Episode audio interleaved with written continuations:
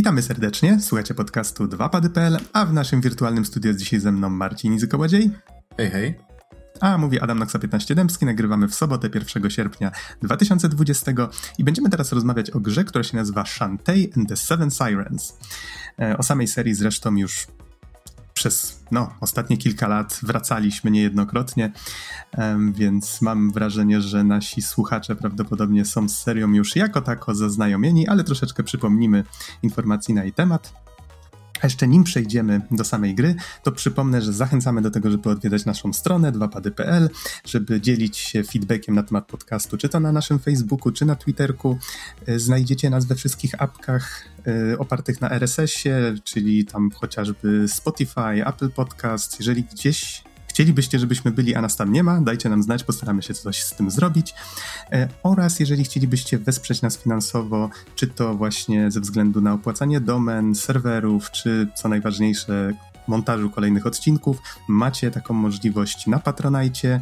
E, od pewnego progu będziemy Wam dziękować również w samych nagraniach, jeżeli tylko wyrazicie taką chęć. A na naszej stronie znajduje się również lista naszych patronów. Zachęcamy, żeby tam zobaczyć, jak to wygląda.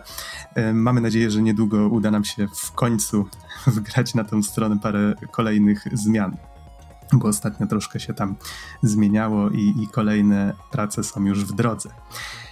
I to powiedziawszy, możemy wrócić do naszej Shantei. Jeżeli tylko tak... chcecie, żebyśmy byli tam, gdzie nas jeszcze nie ma, dajcie nam znać. Pojawimy się, rozkręcimy imprezę. Sorry, takie kupię skojarzenie. Do czego to było nawiązanie? E, nie, właśnie tak jak ten, jak mówiłeś, że no tam że wszystko oparte o RSS-ie, Apple Podcast i tak dalej. Jeżeli chcecie, żeby, jeżeli nas gdzieś jeszcze nie ma, chcielibyście, żebyśmy tam byli, nie? No to mówię, mm. dajcie nam znać, będziemy, będzie impreza. Yo. Yo, naruchodo, naruchodo. Dobrze, Easy, pytanie do ciebie. E, w jakie Shantae grałeś? E, grałem na pewno w Shantae and a Half Genie Hero.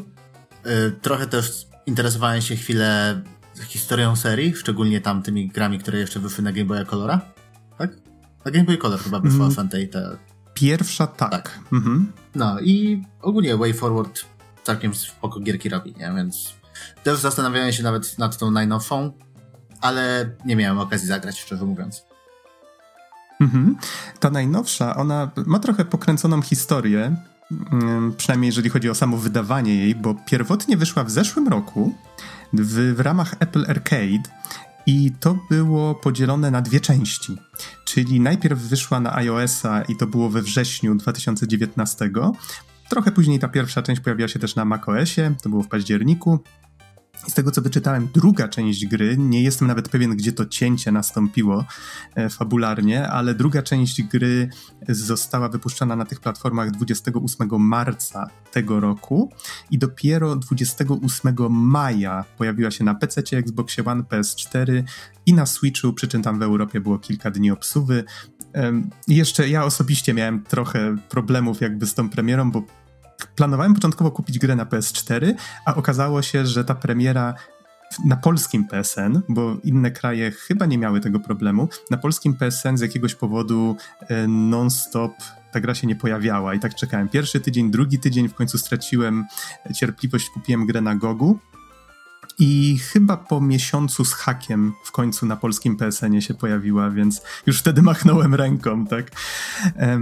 I jeżeli ktoś się nie orientuje y, w samej serii, to od razu szybko tłumaczę, że Shantae to jest kreskówkowa platformówka i ta najnowsza część jest już taką pełnokrwistą Metroidvanią. Ta seria zawsze miała właśnie takie um, odchyły, nazwijmy to, w stronę platformówki z otwartym światem. Zawsze można było czy to podróżować między miastami, czy właśnie e, jakieś tam drobne elementy RPG w tym były.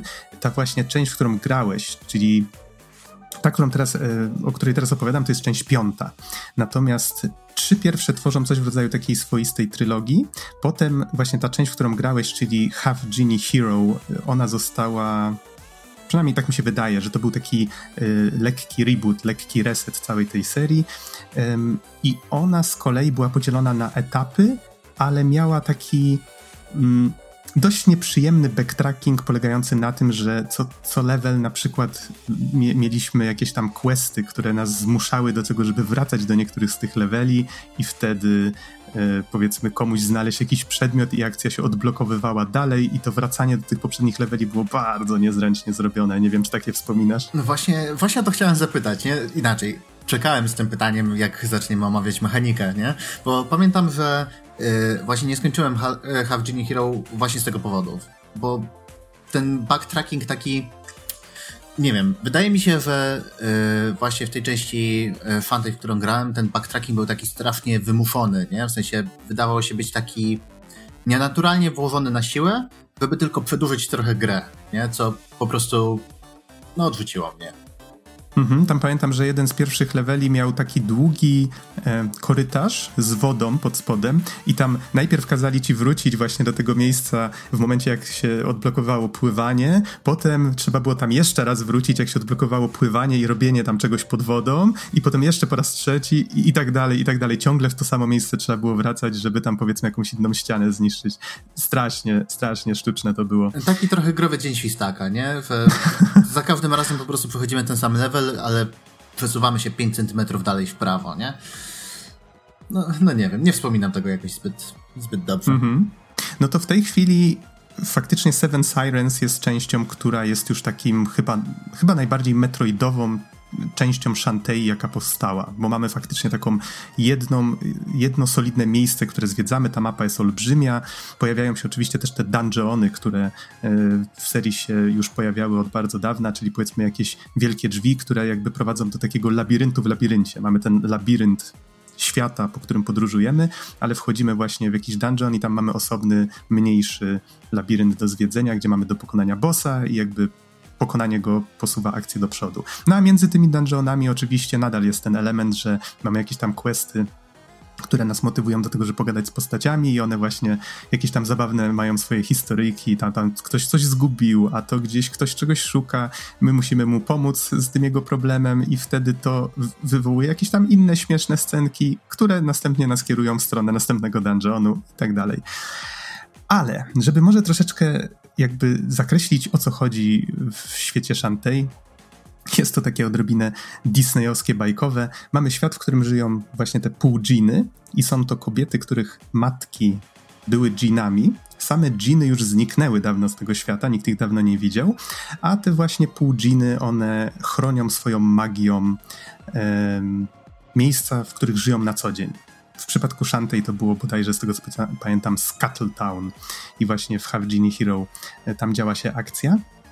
Natomiast e, tutaj e, tak może jeszcze dodam, że te, te, części wszystkie, one istnieją tak dość osobno od siebie. Way Forward tak przyjęło raczej taką strategię Nintendo. To znaczy, że te postacie pełnią pewne role w tych historiach, ale wydarzenia, które się w tych grach dzieją, one nigdy nie mogą wstrząsnąć tym światem przedstawionym na tyle, żeby coś się między tymi grami zmieniło, tak? Więc można grać praktycznie w dowolnej kolejności w te gry, podobnie jak we wszystkie części Mario i zawsze jest jakiś schemat w rodzaju Mario ratuje księżniczkę, tak? No, mamy Shantae, która walczy z piratem, królową siedmiu mórz i, i tak dalej. I te postacie nigdy nie wychodzą za bardzo poza te swoje role i to do tego się ogranicza. To brzmi jak taki bardzo fajny yy, czekaj, po polsku, framework. Mm, jak taki bardzo fajny fablon na grę, gdzie e, tak jakby chcemy zachęcić graczy przede wszystkim mechaniką. Nie? W sensie wyobrażam sobie, że jeżeli rzeczywiście ludzie pracujący w Way Forward, jak cały czas odgrzewają tą samą historię, nie, nie jestem zbyt elokwentny tym, e, dzisiaj, wybaczcie, ale e, dawno, dawno, ten, dawno nie, na, nie nagrywałem podcastów i chciałem to powiedzieć trochę ładniej, ale ale skoro już tak wyszło, jak ludzie z Way Forward, Way Forward odgrzewają tą samą historię po raz enty, to chyba muszą zachęcić graczy mechaniką.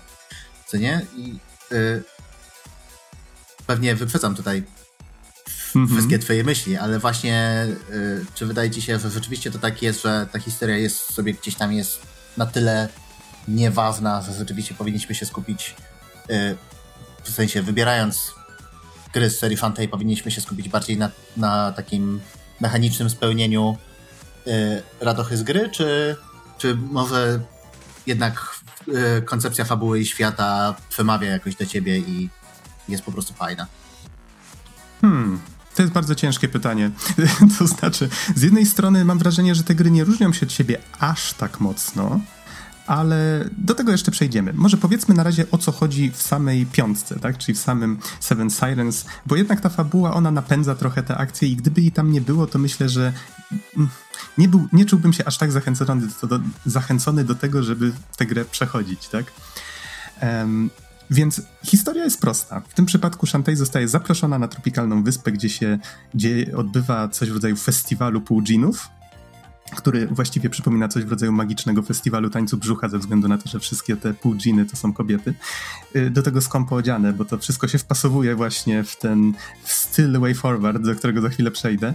Y, bohaterowie przylatują na tę wyspę samolotem, który jest oczywiście napędzany latającymi dwanami, bo czemu nie. Y, jest razem z Shantae wujek Mimik, którego już znamy z poprzednich części, jest Sky i Bolo, czyli tutaj jakby cała obsada, wszystkich ich znamy. We wszystko jest jeszcze, tak jak wspomniałem, wplątana Risky Boots, czyli ta, ta antagonistka, ona też się w pewnym momencie pojawia. No i w trakcie tego festiwalu poznajemy inne półdżiny. Brakuje tutaj jakiejś takiej ładnej e, żeńskiej odmiany tego. Niemniej e, w języku polskim.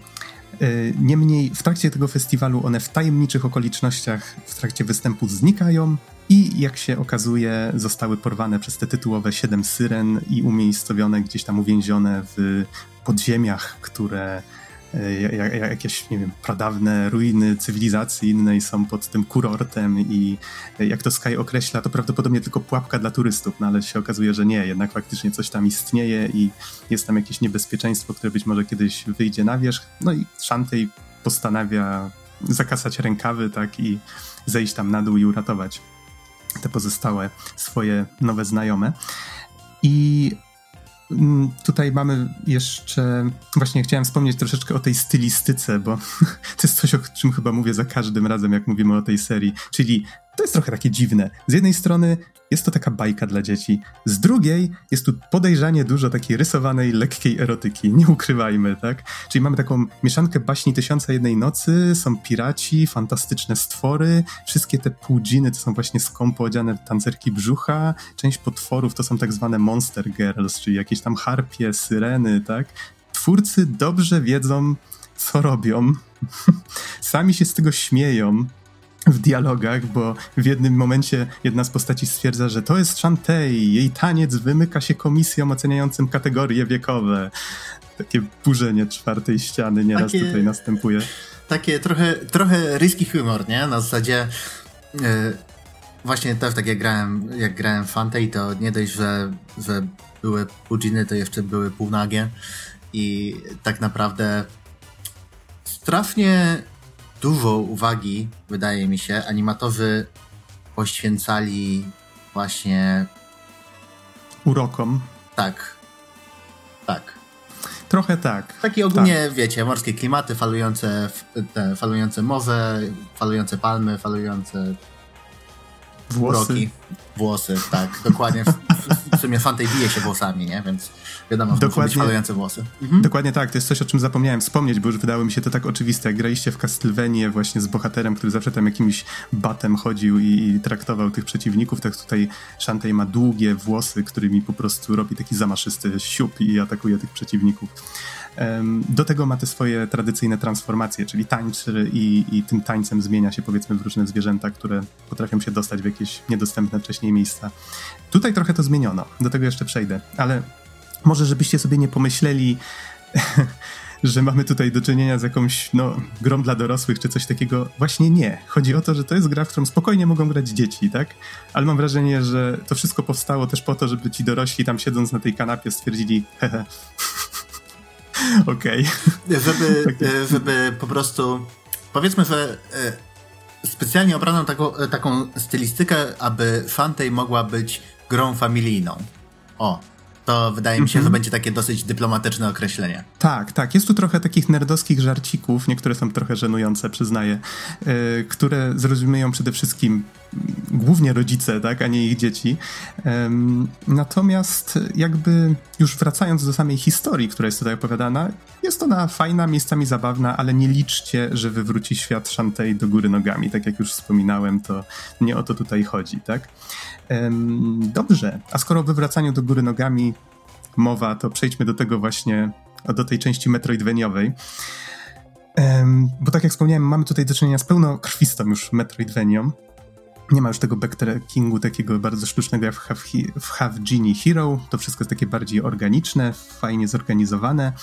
I wydaje mi się, że coś, co jeszcze mógłbym dodać do tego, co powiedzieliśmy wcześniej, to to, że niestety gra nie robi nic odkrywczego z tym gatunkiem. To znaczy, nie czułem się zbytnio jak odkrywca, tak? Mamy te wielkie podziemia, ale to tak w sumie to było takie rutynowe level design miał bardzo duży potencjał do wykorzystania. Fabularnie pojawia się tu kilka bardzo fajnych pomysłów, które mogli wykorzystać i aż trochę mnie bolało, że tego nie zrobili, bo, bo aż szkoda, aż tak, aż tak się zastanawiam, jak można byłoby to zrobić lepiej ale no, wracanie do już odwiedzanych miejsc nie dawało jakichś takich niespodzianek, powiedzmy, jak w Hollow Knightie. Wiem, że to jest przykład, który ostatnio podaję non-stop, jeżeli chodzi o Metroidvanie, ale no to jest chwalebny, jakby można powiedzieć, gra, która pod wieloma względami podnosi poprzeczkę bardzo, bardzo wysoko i przypadku Shantei właśnie zabrakło mi tego, że powiedzmy niszczymy jakąś ścianę i znajdujemy zupełnie lokację, której się nie spodziewaliśmy, tak? Tutaj, jeżeli już wracamy do miejsc, gdzie byliśmy, to głównie po to, żeby powiedzmy przeskanować tymi różnymi tańcami, bo tutaj one działają trochę inaczej niż w poprzednich częściach, przeskanować otoczenie i różne te umiejętności właśnie przypisane do tych tańców sprawiają, że odsłaniamy coś, czego gdzieś wcześniej nie było widać i to może być właśnie albo jakiś nowy przedmiot, albo e, kryształki, które pełnią rolę waluty i tak dalej. Więc Czyli to szukanie... Czekaj, czekaj, czekaj, czekaj. Mm -hmm, mm -hmm. Szukanie znajdziek to jest backtracking z wykonywaniem tańca, które się zdobyło gdzieś tam po drodze, tak? Mm, to znaczy inaczej. Tak jak powiedzmy w każdej innej Metroidvanii większej, nawet w tym Hollow Knightie, tak? Jeżeli zdobywasz nowe umiejętności i się wracasz do poprzednich miejsc, to po prostu liczysz na to, że te umiejętności pozwolą ci dotrzeć do miejsc, w których wcześniej nie byłeś, albo znaleźć jakiś przedmiot, którego wcześniej nie mogłeś dostać. I tutaj jest tak samo. Tylko chodzi mi o to, że level design nie stara się w jakiś sposób właśnie zachęcać do tej eksploracji i. Yy, robić z tego takiej wielkiej, eksploracyjnej przygody, jak było właśnie w Hollow Knightie, gdzie właściwie gubiliśmy się w tym labiryncie, nie mając pojęcia, co za chwilę znajdziemy, tak?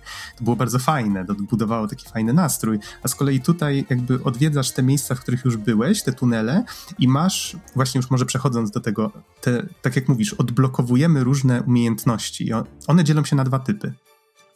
I to działa właśnie inaczej niż w poprzednich częściach. Poprzednio na przykład musieliśmy tańcem zamienić się, dajmy na to, w słonia i ten słoń mógł rozbijać jakieś kamienne bloki.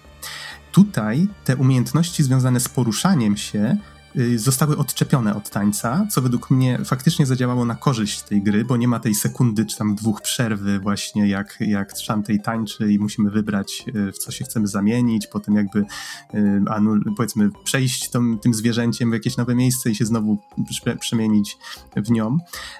Tutaj mamy tak, że po prostu ona, jak wykonamy jakąś kombinację klawiszy albo naciśniemy konkretny przycisk odpowiedzialny za jakiś specjalny ruch, to ona sama się zamieni w tym momencie w jakieś zwierzątko, więc to jest to jest spoko, tak? To jest naturalne i, i faktycznie nie, spowalnia tej akcji.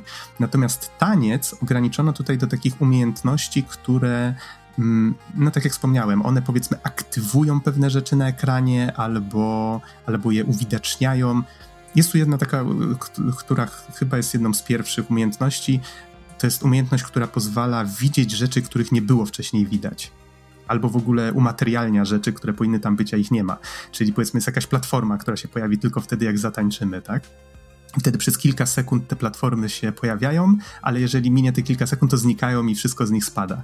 E, I to jest tylko taki jeden z przykładów. No drugi to jest chociażby to, że tam że była elektryczność i można pewne skrzynki otwierać tylko właśnie w ten sposób. No i niestety ogranicza się to do tego, że mamy kilka umiejętności, z którymi właściwie możemy chodzić po tych korytarzach i używać ich po prostu czterech na przemian i patrzeć, co się zmienia w otoczeniu, tak? To nie jest aż takie ciekawe. Y, właśnie pytanie, czy yy, inaczej, bo właśnie wspomniałeś, że ten level design jakoś tak nie zachęca zbytnio, ale właśnie pytanie, czy yy, w projektach poziomów widać takie takie smaczki, które by mogły wskazywać na to, co powinno się użyć, nie? Choćby, A tak, e, tak, choćby tak, tak, jak, jak Hollow Knighta wspomniałeś, nie? No to tam to było świetnie, świetnie zrobione, nie? Na zasadzie, że były jakieś platformy, które były 4 piksele za wysoko i nie dało się wskoczyć, nie? Były jakieś takie rzeczy, żeby ten, że rzeczywiście było widać, że będzie jakaś umiejętność, żeby się prześliznać, nie? A tutaj to, co opisujesz, brzmi tak dosyć mało angażująco. Mhm. No okej, okay. może, może troszeczkę w gorszym świetle to zarysowałem mm, niż powinienem, bo też prawda jest taka, że jak zjadłem zęby na tym gatunku, to po prostu ciężko mnie pewnie zaskoczyć. To, co twórcy tutaj robią, to jest po prostu takie niezbędne minimum, tak? To jest fajne. Tylko, że jeżeli znacie już bardzo dużo y, Metroidvanii, niczym was nie zaskoczy. O, może, może to jest y, lepszy sposób, żeby to przedstawić, bo faktycznie, tak jak mówisz, podróżujemy i my widzimy pewne rzeczy, że okej, okay, tu będę czegoś potrzebował, czyli na przykład jest jakiś kamienny blok i tutaj przyda się jakaś umiejętność później, albo właśnie coś jest za wysoko. Um, I to oczywiście jest tutaj, tylko właśnie te umiejętności przypisane do tańca, one wszystkie opierają się na takim skanerze, nazwijmy to, tak, który działa obszarowo na cały ekran i po prostu idziesz, idziesz, widzisz jakąś wskazóweczkę, tak jak mówisz, te 4 piksele, czy tam jakiś efekt, czy coś i myślisz sobie, okej, okay, tu pewnie będę czegoś potrzebował. No i w pewnym momencie się okazuje, że wszystkie te miejsca musisz po prostu odwiedzić, zatańczyć przy nich w konkretny sposób i wtedy one po prostu coś ci dadzą, tak?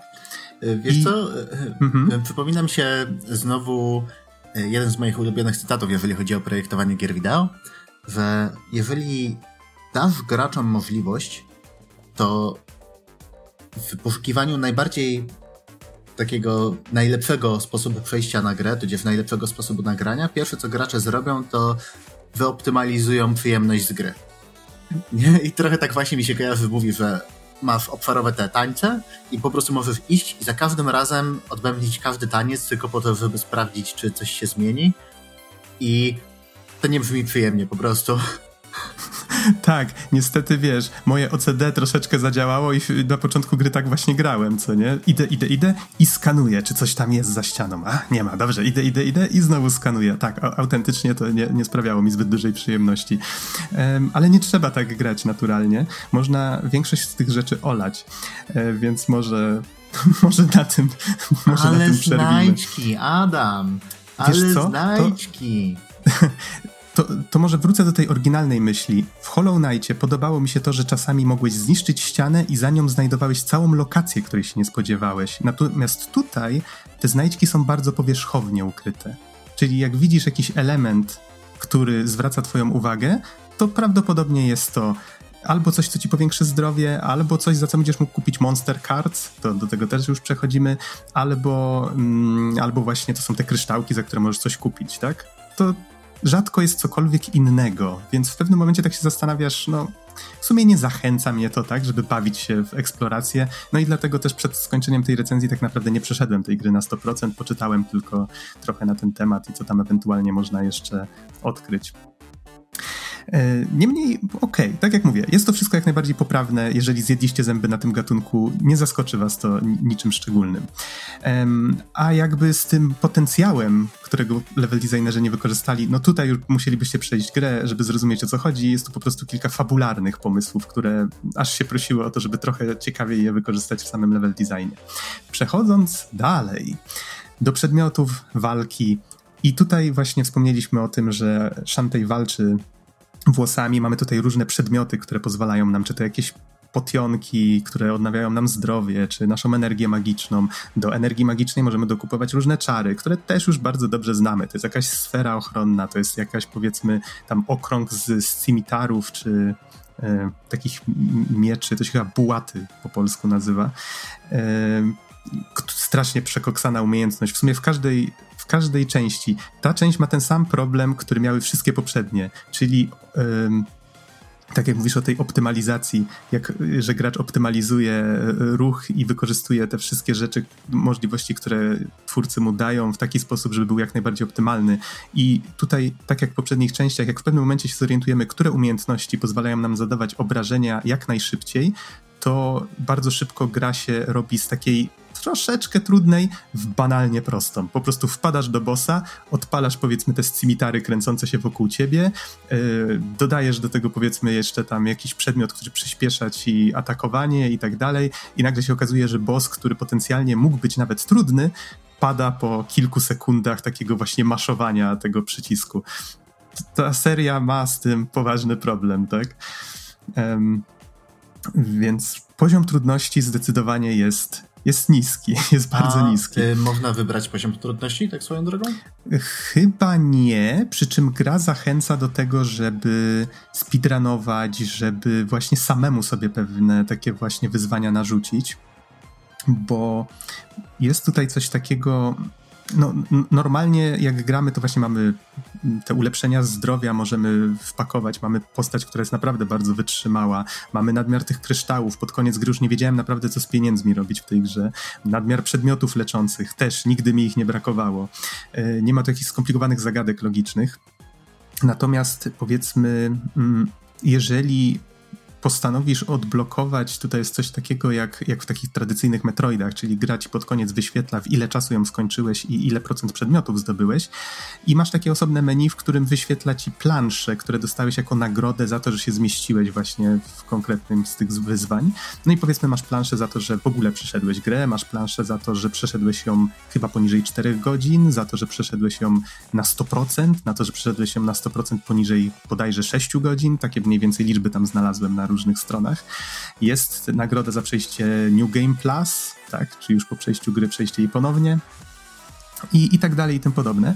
I oczywiście speedrunując tę grę, tak jakby samo z siebie się rozumie, że nie chcemy tracić czasu na, na rzeczy, które nam go zabierają. Czyli powiedzmy, mamy właśnie te monster cards, które, czyli karty, które wypadają z przeciwników, one dają nam różne umiejętności. To jest chyba coś, czego nie było wcześniej w tej serii. I to jest o tyle fajne, że właśnie polujemy na potworki. Y, niektóre potworki od razu, jak wypadnie nam taka karta, to możemy ją sobie wyekwipować do trzech naraz. Czasami musimy danego potworka zdobyć kilka takich kart i dopiero wtedy możemy ją wyekwipować.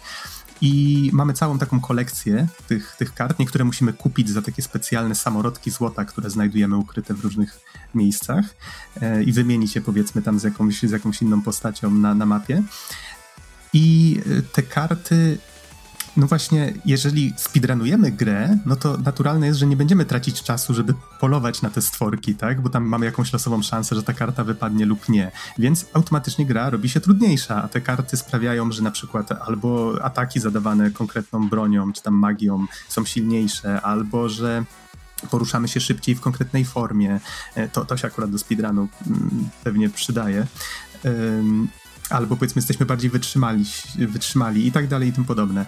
Natomiast yy, bez tego gra automatycznie robi się trudniejsza. Plus powraca jeszcze coś takiego, co było bodajże chyba w Pirate Scares i to było, mm, to były y, squid, hard squids, czyli ośmiorniczki, ser, sercowe ośmiorniczki, tak, może tak to nazwijmy, takie małe ośmiorniczki w kształcie serca. Zanosiło się je do pani Kowal, czy tam Squid, Squid Smith to się chyba nazywa w grze. E, również skąpo odziana pani w takim metalowym bikini z wielkim młotem, która uwielbia miażdżyć te, te, te małe ośmiorniczki i przerabiać je na kontenery, na energię dla Shantay. Um, I jest nawet trofeum w tej grze, no bo ktoś mógłby się zastanowić, hej, ale dlaczego mielibyśmy uśmiercać te małe, słodkie stworzenia, tak, żeby mieć dodatkowy kontener na zdrowie? I twórcy oczywiście pomyśleli o takich osobach. Możemy utrudnić sobie grę znacznie, nie zabijając tych, e, tych squidów. I wtedy oczywiście będziemy musieli sobie z tymi chyba trzema początkowymi kontenerami radzić, ale, ale możemy zdobywać nadal te ośmiorniczki, po prostu nie zanosząc ich do tej pani Kowal, tak? Więc domyślam się, że twórcy założyli, że okej, okay, jak ktoś będzie chciał utrudnić sobie tę grę, to to zrobi. Ale jeżeli będziecie w nią grali tak po prostu domyślnie jak każdy za pierwszym razem, to nie będzie ona prawdopodobnie stanowiła dla Was większego wyzwania. Nie wiem, czy to odpowiedziało na Twoje pytanie, bo już w sumie zapomniałem, jakie było pytanie. E, to znaczy inaczej. Może nawet nie tyle odpowiedziało mi na pytanie, co na pewno zbudowało już pewien taki obraz gry w mojej wyobraźni.